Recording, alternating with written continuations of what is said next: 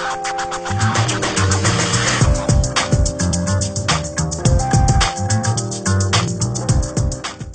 guys, welcome to another episode of the Iraqi Nutrition Podcast. I'm your host Juma Iraqi, and joining me today is Menno Henselmans from Bayesian Bodybuilding. Menno, how are you doing today? I'm great. You? It's good to be on the show again. Thank you so much for agreeing to do another podcast. And uh, we actually did the first episode of Iraqi Nutrition was with uh, with uh, with you, Menno. We talked about uh, advanced training and that was a really popular episode and we have a lot of views on it on on youtube so great to have you back uh, for people that haven't watched that episode could you please give us a brief introduction about yourself sure uh, so my name is Menno Henselmans. I'm the director of Bayesian Bodybuilding. Uh, I started off as a one-man company basically, but it's now an eight-man company. It's going really well. Um, the rationale for it is that I combined what I learned as a business consultant specialized in advanced statistical data analysis and what I learned during my education as an economist and a statistician and a scientist. And I apply that to bodybuilding, which has always been my passion, uh, strength training. And it's just an evidence based form of fitness. It's very scientific. And you could summarize the word Bayesian as it refers to Thomas Bayes, a statistician that formed these methods. You could summarize it as a, a system, a mathematical system that specifies how to form the most reasonable beliefs based on the available data. So that's what I do. And it's, like I said, it's a form of evidence based fitness. Excellent. And you also have an online course that's been going really well and it's really popular. Uh, uh, to my understanding, this has been um, um, been in English so far, but it's been also translated to Dutch. Yeah, it's uh, going really well. Got uh, about 150 course members per uh, round in the English variant. We're now expanding to both Spanish and French, actually. And there's already a Dutch version that's also doing really well. Uh, it's pr- probably already the most uh, renowned education in the Netherlands now as a certification program. And um, might be a Norwegian version coming too. Uh, that's set for 2018. So yeah, it's going great very good, Menno. I'm so happy for you because I know that the information that you pro- provide is high quality. So, uh, and your foot has recovered uh, 100% as well? Yeah, so I, I dropped 400 pounds, uh, for those that don't know, uh, on it um, beginning of 2016. And uh, it recovered reasonably well. That was during contest prep, so unfortunate timing. Mm-hmm. Um, but I, I, still did the show. Um, looked all right, but um, it took a long while for it to get back to 100%. I recently posted on Facebook that I'm now squatting over 400 pounds again, so it's like the it's like the milestone. I dropped 400 pounds on my foot, and now I'm back to squatting over 400 pounds. So that's really good. Nice. Uh, it's, it's, good for me at least. You know, I, have got many clients that are stronger, but personally for me, that's uh, what I consider good for myself. Yeah, perfect. So happy for you that you've fully recovered from it. So. Um, before we start, just to mention this podcast will be available on YouTube in video format, but you can also listen to it on iTunes if you prefer that. So, Menno, today's topic is uh, metabolic damage, and that is a term that's got a lot of attention the last couple of years in the fitness industry. You recently did a review on this, and we'll um, get back to that later in the podcast. But let's talk first about what type of adaptations that may occur during a caloric restriction. Right. Uh, adaptation is indeed uh, the correct term here. There are many kind of processes, metabolic processes that occur during caloric restriction. And most of these culminate in a reduction in your energy expenditure. Your metabolism slows down basically. And that is due to various causes. And it, to a large extent, that is inevitable unless you're gaining um, your energy expenditure is increasing via other means. But usually, because you are losing weight, and often you are losing fat mass and fat-free mass. That's another topic whether you should be losing that. I don't think that a lot of people do, but in practice, many people do lose lean body mass when dieting. Mm-hmm. And lean body mass in particular, uh, much much stronger so than fat mass, is correlated with your metabolic rate. The more lean body mass, muscle mass, but also organ mass, Uh, organ mass is actually even more metabolically active than muscle tissue. Um, this is strongly correlated with total energy expenditure, so your metabolic rate, basal metabolic rate as it's called. It's like how much energy your body is expending while you're just lying down, not doing anything. And um, it's not just that, but it's also that as you go progressively lower in energy intake, because of the thermic effect of food, you now have a lower energy expenditure from that as well. So this can actually amount to significant uh, differences. Many people neglect uh, dietary induced thermogenesis. It's the amount of body your um, body, the energy your body burns while processing the food you eat. Basically, it's the positive effect of the food you eat on your metabolism. Mm-hmm. So if you're consuming uh, a uh, thousand fewer calories because you went from say 3,000 to 2,000 calories as a meal during a diet, and your uh, thermic effect of food averages 20%, which is a pretty reasonable figure if your diet's good. Uh, that's actually so 20% of a thousand. So it's 200 calories difference simply because of the reduction in thermic effect of food. If you then add say 5 kilogram weight loss, of which uh, three kilo is fat, two kilo is muscle. Not an ideal scenario, but uh, let's just give that as an example. Yeah. Uh, you can also get a reduction in metabolic rate from that. So combined with these factors, that explains a lot of the reduction you see uh, often during someone's dieting and metabolic rate. Uh, another factor that's a bit more tricky is what is called adaptive thermogenesis. Even aside from these factors that are very predictable and static, your body also sort of has a, a blueprint that depending on your fat percentage, your uh, mostly your nervous system, in fact, uh, many people think this is like thyroid related and more metabolic, but it's actually mostly your nervous system that governs uh, adaptive thermogenesis. What your nervous system does is it becomes more or less efficient or conservative with energy expenditure. So as you get leaner, this is a survival mechanism basically, your nervous system becomes more conservative with energy expenditure. So it reduces, uh, in particular, the components that we call SPA, spontaneous uh, physical activity, and NEAT, non-exercise activity thermogenesis. These is basically subconscious or involuntary movement. Like right now, I'm moving my hands while I'm talking. Uh, it's something I don't do deliberately, but it's just um, these kind of movements that will be reduced. So if you see me on a podcast uh, talking on when I'm in contest shape, then you might actually notice that I'm less energetic. I'm more like robotic. So that actually adds up uh, to um, about 50% of the loss you see in um, metabolic rate can be attributed, in extreme cases at least, to uh, adaptive thermogenesis. So your body's trying to uh, become more efficient, more conservative with just expending energy because it knows that energy is scarce because it registers that you have a low body fat percentage. Excellent. Now, since we're in on the topic of uh, resting metabolic rate, uh, recommendations that are often thrown out is that it for long-term leanness, you should uh, recomposition your body by uh, decreasing fat and increasing muscle mass. But how much more um, active tissue, how much more uh, calories are required to maintain muscle mass compared to adipose tissue? Uh, a lot. Uh, this is quite controversial, but um, adipose tissue, so fat mass, is often actually neglected entirely in formulas that estimate someone's basal metabolic rate because the effect of like one kilo of fat mass, maintaining that um, over a day for the body, it's it's almost trivial in many cases. So many formulas actually don't even take fat mass into account. It's very very little difference because uh, many people think fat mass isn't metabolically active at all. It is. It actually it can produce hormones. Uh, it has its own vascular system.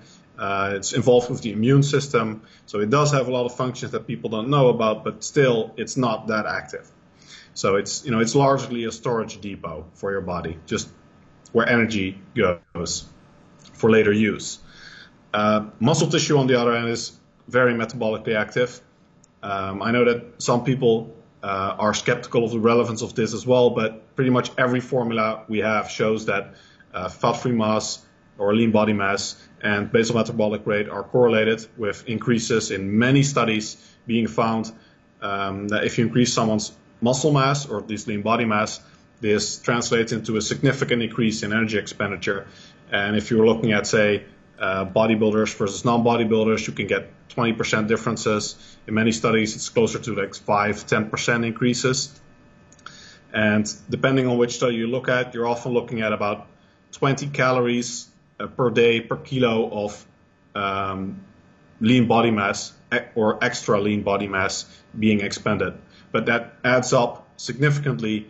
Uh, it's compounded when you're also doing uh, activity, so during strength training, for, for example, because the more muscle you have, uh, you can also lift more weight, but it's also more uh, tissue that is now being carried. So the more active you are, the greater the difference between a sedentary and a very muscular individual become. Interesting. Now, moving on to the next question, uh, we talked about some of the adaptations that may occur during uh, caloric restriction, and a term that's been used uh, a lot in recent years is metabolic damage. Could you please explain what that is and how that, that like that theory dif- uh, differs from what actually happens in the body? Right. So metabolic damage, um, there are some authors that use it in different ways, uh, but the Bayesian research team has uh, written a paper from this and published it actually, um, a scientific paper.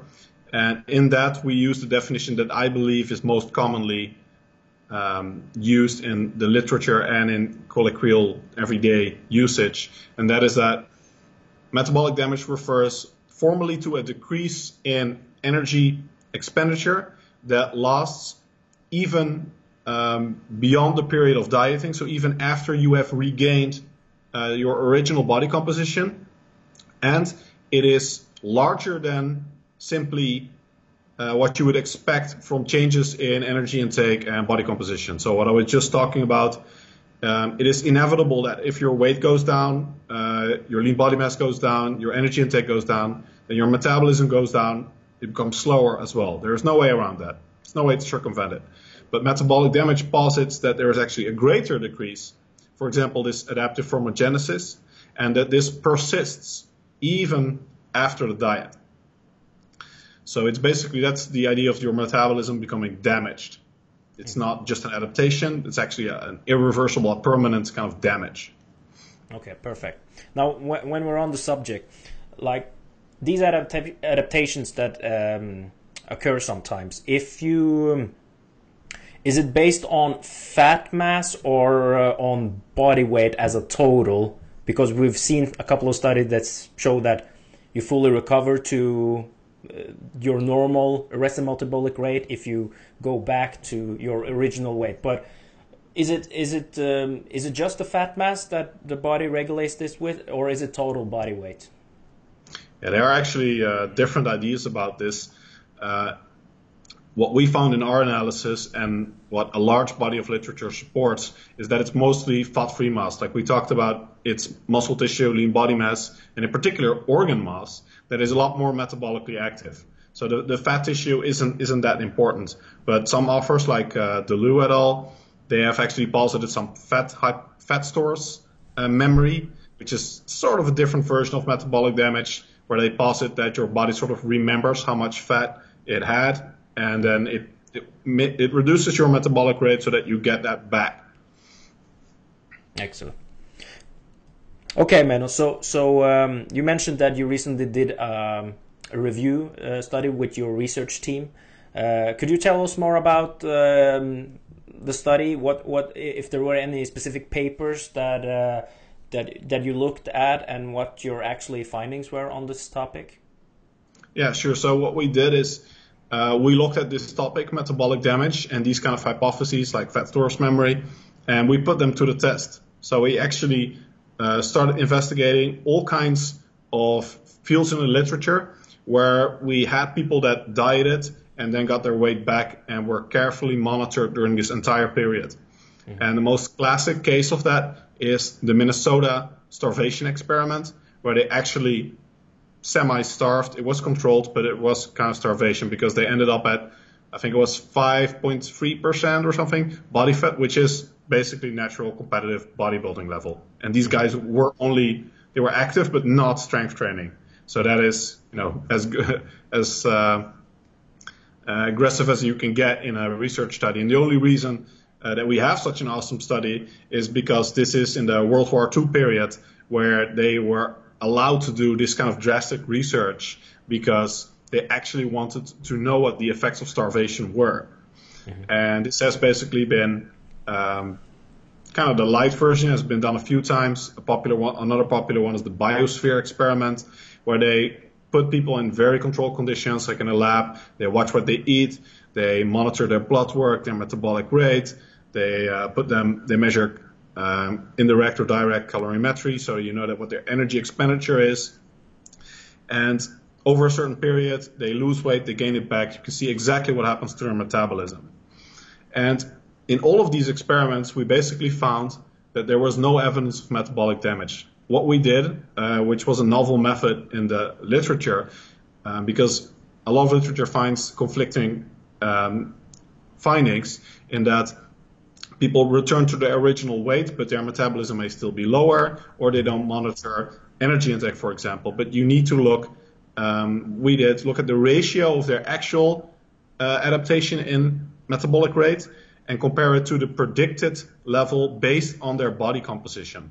Mm-hmm. So you have very good formulas in the literature that can predict someone's metabolic rate based on their body composition. And it's only when you see that this ratio changes that you actually have evidence of metabolic damage. Otherwise, all you're saying is that people with a lower body weight have a lower metabolic rate. And that's not exactly shocking news. Mm-hmm. But that's what a lot of studies found. Mm-hmm. Um, so what we did with that ratio is we found that this ratio gets back to its baseline level as soon as you regain your body composition. Actually, there were a surprising uh, couple findings where people reverted to a higher or a higher metabolic rate after the diet than before. Uh, we also looked at extreme cases. Um, insofar as the Minnesota starvation experiment wasn't extreme enough. Mm. We also looked at malnourished individuals uh, like uh, women with anorexia nervosa. And even in that scenario, there was no evidence of metabolic damage. So that's pretty extreme. Also, there were two case studies on bodybuilders, of course, most relevant for at least my clientele, mm-hmm. and one good study on competitive wrestlers who also use pretty aggressive um, strategies to lose a lot of weight and then get back up in their off season to their original body composition.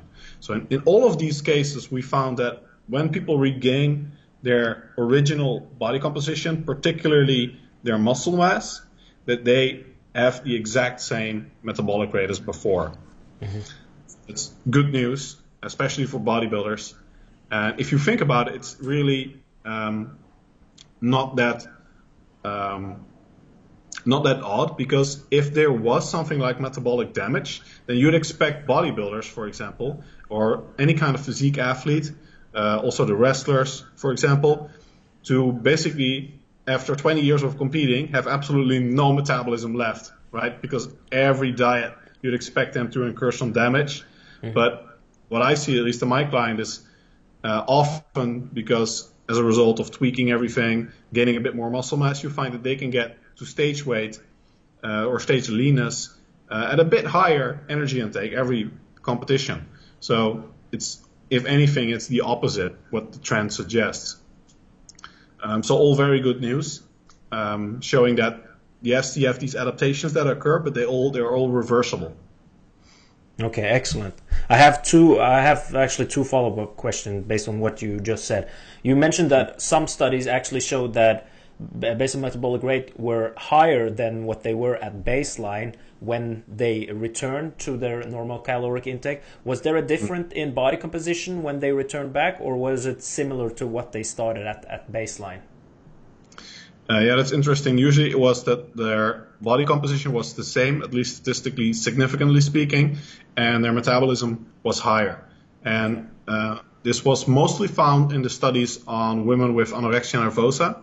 Mm-hmm. And my um, hypothesis here is we, we cannot investigate this because we don't have the full long-term data of the women actually losing the weight because it would be unethical to have them, uh, you know, suffer from their eating disorder.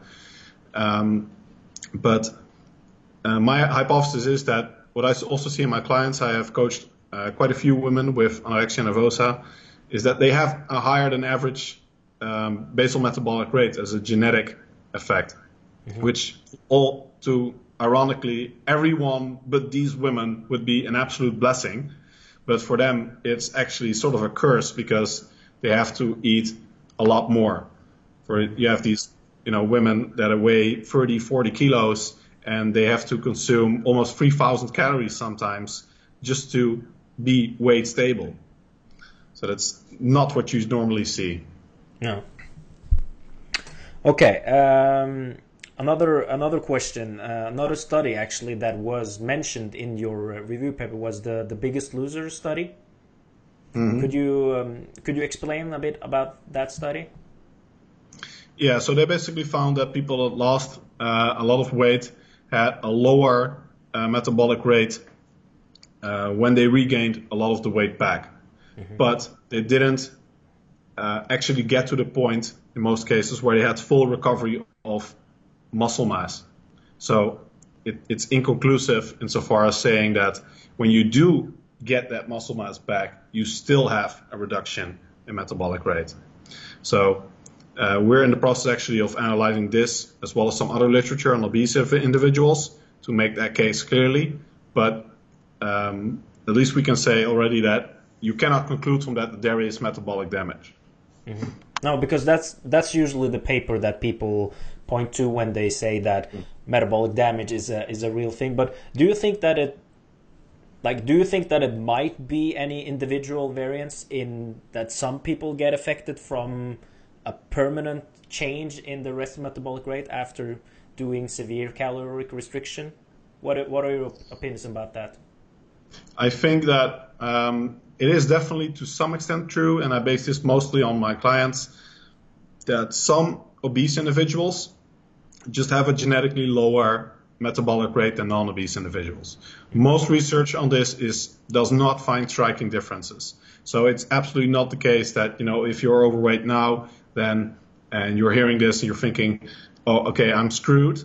Probably not, mm-hmm. but it is, in my experience, uh, there is a slight difference. So that can explain when you're using these standardized formulas that they will overestimate metabolic rate, what the metabolic rate should be of these individuals. So that might explain some of it. Uh, the only scenario in which I personally um, think that metabolic damage can actually occur is in women uh, that go without their menstrual uh, phase for a long time and end up staying in contest shape for a period of usually you're talking years. Mm-hmm. And I've not actually seen any hard evidence of metabolic damage, but I've certainly seen in some women, some clients that come to me, for example, that they say, okay, so I've done um, four competitive seasons in a row, um, spring, fall, spring, fall, spring, fall, and they basically want to retain that stage condition uh, year round all the time. And then if you look at their blood work, it's really bad. You're looking at uh, they basically they're basically hypothyroid. Uh, they have uh, often low estrogen levels in particular, also low testosterone levels. So it would not surprise me at all if you're then talking about uh, metabolic damage. But again, the question is if someone's if their metabolism will not simply return to baseline if you spend enough time back at a healthy fat percentage consuming a nutritious diet. Because we have one recent study actually on this that looked at this, but only for one contest cycle, and they found that women, um, as soon as they spend enough time back in positive uh, energy balance, they all reverted back to normal health, hormonally speaking. So that's uh, more evidence that it's again adaptations, and uh, there's no long-term damage, but at least it can take a long time to recover uh, in this scenario. Yeah, because that was my actually my follow up question. That if you done caloric restriction for an uh, extended amount of time, like say you're always competing as a bikini competitor, for example, and you're expecting to have your normal resting metabolic rate after six months, but you've been dieting for two or three years, it's it's probably more to more uh, a time question when it will mm. return back. Uh, than a permanent uh, damage like we talked about. Yeah, exactly. So, this, yeah. These so, hormones yeah. have a lot longer time course uh, to recover from because in this case it's not really that your metabolism is damaged. Uh, you know, there's nothing wrong with uh, your nervous system or uh, your mitochondria, you know, energy production per se. It's the hormones that, which are basically the messengers that are no longer sending the right messages that uh, optimize your metabolic rate. Mm-hmm. Yeah, exactly. Now another another uh, term that we often hear about when we're talking about metabolic damage is is the is the cure for meta- metabolic damage, and that is reverse dieting. That's been mm-hmm. very popular amongst uh, competitive uh, bodybuilders and fitness athletes. Could you explain a little bit about the, the concept behind reverse dieting? So, right, yeah, reverse dieting is, uh, in its most literal um, definition, which I think not many people adhere to anymore, but there are certainly, uh, and, and, there were uh, some people that incorporated it like this, is that you literally reverse the diet. So if you're plotting someone's energy intake over time, over say a six month contest prep, and then you flip it around.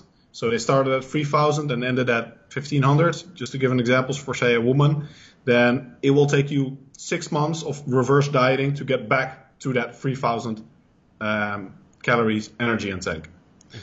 And uh, the, the problem here is that often when uh, at first when you are literally reversing the diet, what happens is that these initial slight increases that correspond with the slight decreases you did before still have people in a deficit. So you're not actually increasing their metabolic rate at all. You just have them, you're actually prolonging the contest prep even after the show. Mm-hmm. And then you have a long period in which they are hovering around maintenance, and then only often like a few weeks or months after the actual contest do you have them back in positive energy balance. So it's it needlessly prolongs the contest prep basically. And then of course the next question is, uh, is this more effective to increase their metabolic rate than uh, doing it faster? Mm-hmm. And this is actually what this uh, the, one of the studies that we investigated in our paper also investigated, which was the Minnesota starvation experiment, is they put people in different groups. And these different groups had a different energy intake. So some people reverted back to their original body composition a lot faster because they ate more, and other people did it more slowly, progressively. So you could say that these people were actually reverse dieting. And we found that it doesn't matter. As long as you reach your initial body composition, particularly your muscle mass level, again, you get the same metabolic rate as you did before. So it, you can do it fast or slow, and if you do it slow, it just basically prolongs the suffering of contest prep um, unnecessarily long. Uh, what we do find is that, um, or actually additionally, what we found is that energy intake also has an acute effect on your basal metabolic rate, which is not that large, but it means that as soon as you put someone in positive energy balance, and most people experience this themselves as well, uh, you actually get increase in metabolism, which is why uh, often when you get from say someone has been contest prep and at the end they were in a 5% deficit and then you put them in a 5% surplus, often then the next week or the next two weeks or something, you can increase their meta or their energy intake again and again because their metabolism is increasing now.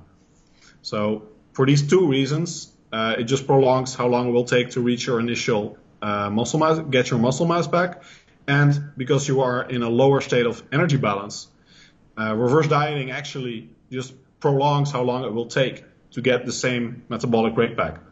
And uh, there, there's no reason to do it. The only benefit, because th- there is a benefit uh, of reverse dieting, I would say, is that it's um, it swings the pendulum in the other direction from what usually happens, which is the post-contest binge.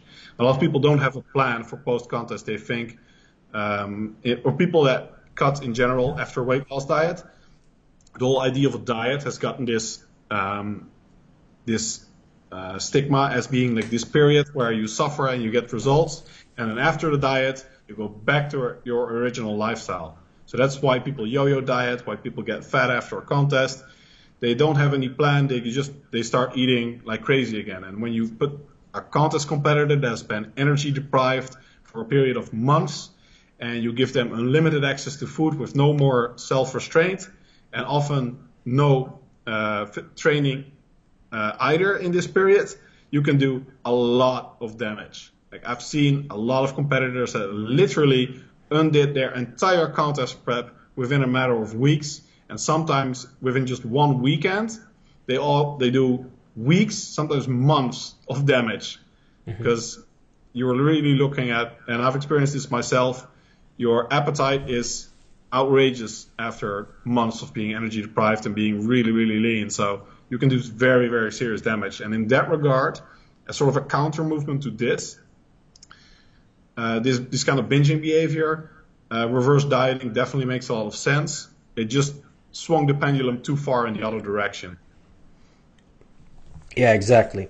But what, like, what what type of recommendations would you have when you're coming off a pre-contest diet and you're going to transition into uh, an off-season diet or a bulking phase? How would you like? Do you run it by percentages? How much you increase it? Do you increase it back to what were uh, maintenance from from the start of the diet? What what type of practical tips do you have there? Right. So what you want to do is you want to find the middle road. And in this case, the middle road is that you have to look at what energy deficit you are in now, and you correct for that, and you immediately go to the kind of surplus you want to be in. So say you want to go from a 5% deficit to a 5% surplus. That means you can increase caloric intake by at least 10%. And I say at least because you get this effect of energy balance on uh, energy intake and increase from the thermic effect of food. So you can go with an at least 10% increase from, from the start, like from competition day to the next day. But what you do not want to do is look at your original energy intake before the contest prep and go right back to that level. Mm-hmm. Because you may have started off with a maintenance calorie intake of 3000 calories, but that may now, because of these metabolic adaptations, it may now be 2000 calories. So if you go back to 3000, you are suddenly in a 1000 calorie surplus, and that's a bit much. Yeah. So um, that's what you, you want to do. You want to look at what kind of energy deficit you are in now and not what your maintenance was before, but you estimate your new maintenance based on your new body composition, and then you go to your desired surplus, which, in my experience, for most contest competitors, shouldn't be more than 10% uh, energy surplus. Excellent. Now, uh, would you uh, slowly increase it after that? Like, how much would you increase it on a like let's talk about how much would you increase it on a weekly or a monthly basis? And what type of tracking do you do to determine if you need to increase the calories?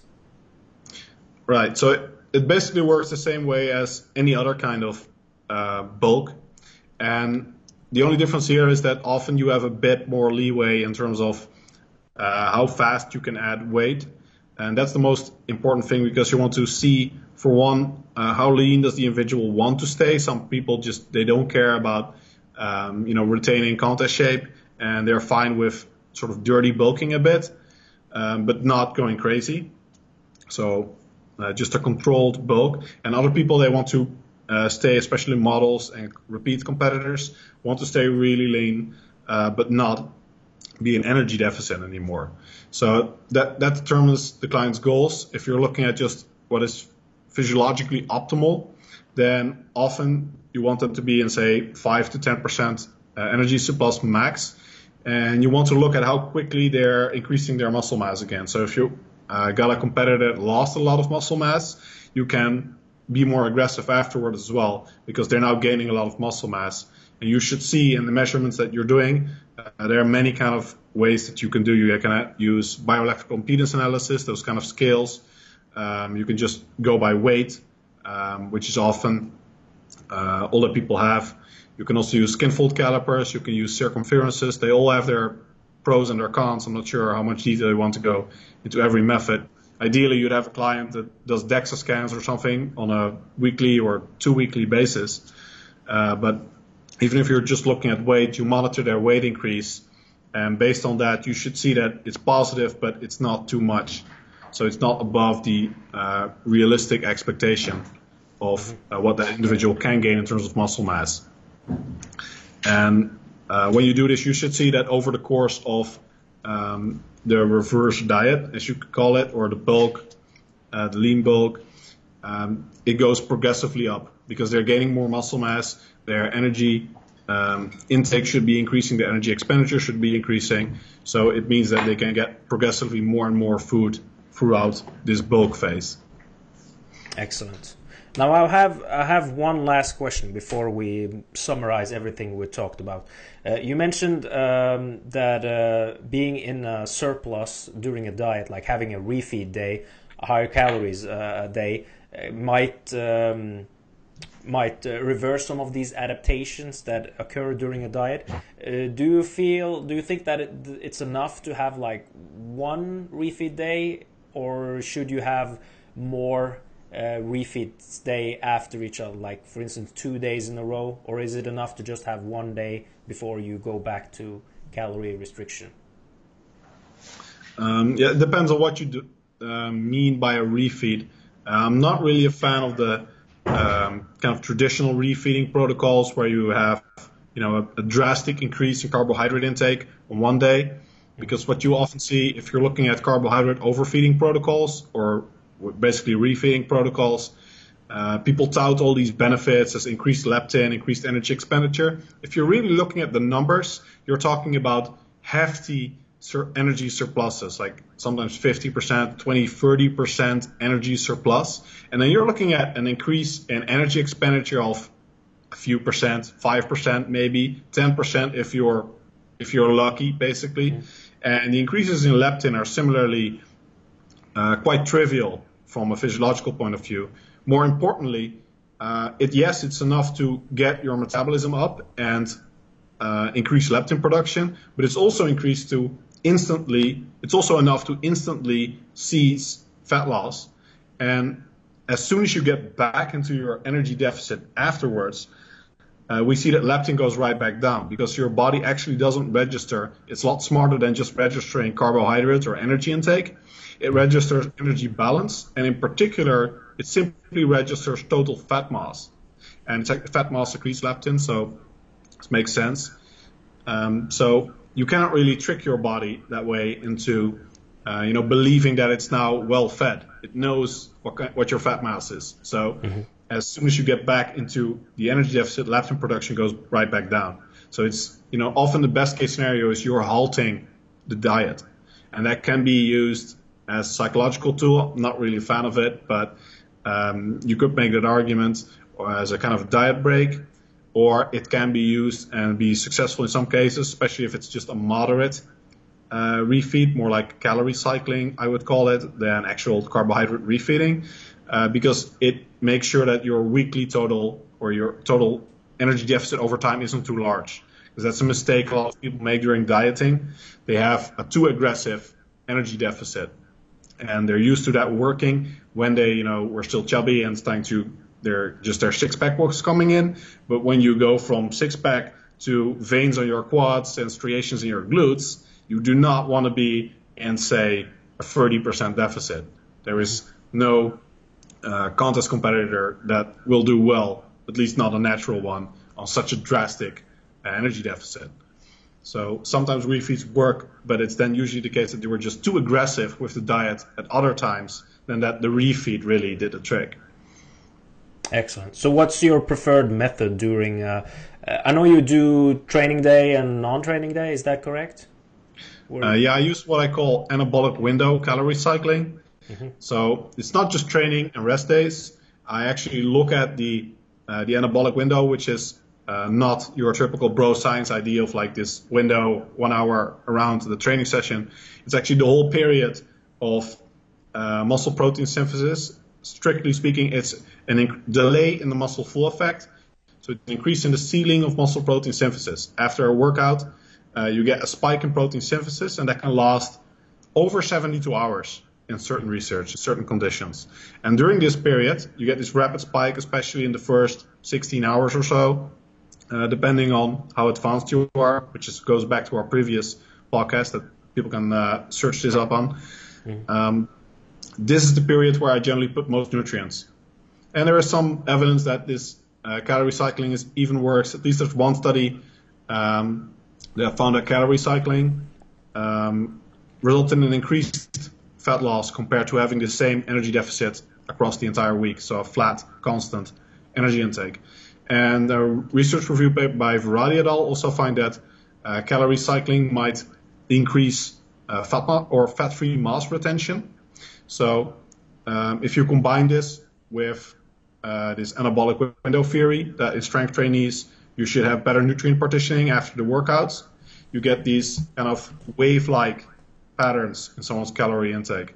And the more advanced they are, the more emphasis there becomes on the immediate post-workout period. That's also what um, Mori found, a Japanese researcher, in uh, well, it's not that recent anymore. I think it was 2015, 14. Had a really excellent paper looked at untrained individuals and trained individuals, and looked at whether it mattered how quickly after their workout they consumed uh, protein. And they found that in untrained individuals it didn't matter, which makes sense because they have this huge, very long anabolic window, which lasts, you know, maybe over three days. Whereas in these in the bodybuilders, he actually started bodybuilders, um, although you know if you're looking at the stats, they didn't seem that impressive, but at least they call themselves bodybuilders. And there it did matter. So that supports that the more advanced you get, it becomes more relevant to look at this post-workout period. Uh, and then I'm not talking about like a 30 minute or one hour post-workout period, but more talking about the hours after a training session that you want to be well nourished. Yeah, interesting. I actually remember we we sat actually next to each other when when that paper came out. We were in Beitostølen mm-hmm. in uh, at AFPT in 2000, 2014. I think so. Yeah, that was. Well, I think that was quickly. Um, it was like a few days after uh, that paper came out. Because I remember when that paper came out, it was funny because I was actually presenting this uh, with Børge Fagerli uh, at a seminar, and we had this theory, and we um, discussed this theory on Saturday, yeah. and then on Sunday, I think it was. I'm not sure what the exact days were. This paper came out, or it hit publication, and we are like, okay, so this is basically what we talked about yesterday, and now we have this scientific paper that basically did the exact experiment we, we wanted to have, and it, it found that this theory, uh, or it supported the theory. Yeah. So it was probably good because there was a, during my tour in Norway that we were at the FPT together. Yeah, exactly. All right, Menno. So uh, let's uh, let's wrap it up with uh, a summary, like a take-home message of uh, the topic we've been discussing. Um, mm-hmm. what's the take-home message on metabolic damage and uh, uh, reverse dieting? All right. So metabolic damage um, is a myth. There is no damage, but there are metabolic adaptations, and generally during a diet, your metabolism will slow down. Uh, you should take this into account because you do not want to revert back to your initial initial maintenance energy intake after a diet. You want to go to your new maintenance, taking into account these adaptations. So uh, you don't have to do a full reverse diet where you literally reverse the entire diet, but you do want to find that middle road between needlessly prolonging um, the deficit and the diet and jumping right back into your original uh, energy intake before the diet. Excellent. All right, Menno, thank you so much for uh, coming back on the podcast. Thanks to everyone that's uh, listened to this uh, episode. Uh, before we um, before we uh, we leave, Menno, could could you tell us where people can find more information about you? Sure. Yeah, Bayesian bodybuilding should have all the information, free articles and stuff um, that you can check out. Uh, you can probably pro- probably find the links um, if you're at YouTube now uh, in the description below. Uh, we're on every social media channel known to man, I think, right now, but we're big on Facebook, Instagram, and Twitter. So check it out if you're interested. Excellent. And uh, you also, uh, could we also ask when you're going to speak? Uh, you have some speaking engagements uh, the next couple of months? Yeah, um, actually, quite a few. Um, I'm touring India, um, which may already be happening when people uh, are listening or uh, or viewing this.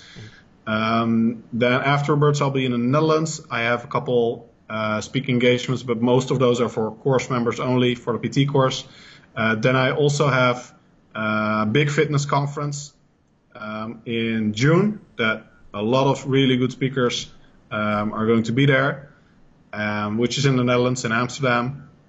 And in October and September, October, early October, I'm touring Australia, and I'll have three seminars there looking at Melbourne, Sydney, and Perth. And then afterwards, uh, this is actually a new announcement. I'm talking with Eric Helms to do a seminar in Auckland, New Zealand on 16 October. So we've got a nice schedule ahead this year.